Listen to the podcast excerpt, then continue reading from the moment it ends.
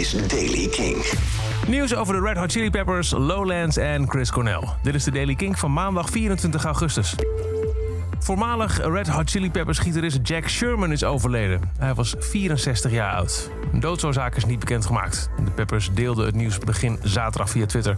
Wij van de Red Hot Chili Peppers familie wensen Jack Sherman een vlotte vaart naar de werelden buiten hier, want hij is overleden, zo luidde de tweet. Jack speelde zowel op ons debuutalbum als op onze eerste tour door de Verenigde Staten. Hij was een unieke kerel en we danken hem voor al het goede, het slechte en alles wat er tussenin zat. Peace on the Boogie Platform. Sherman kwam eind de 83 bij de Peppers als eh, vervanger van oprichter Hillel Slovak.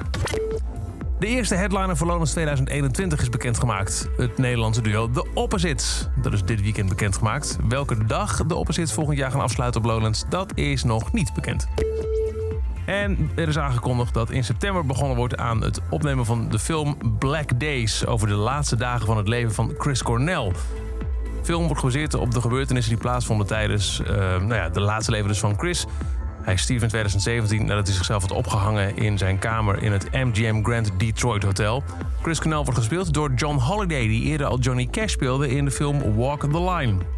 Tot zover de Daily Kink. Elke dag een paar minuten bij met het laatste muzieknieuws en nieuwe releases. Niks missen? Luister dan dag in dag uit via de Kink-app, kink.nl of waar je ook maar naar podcast luistert.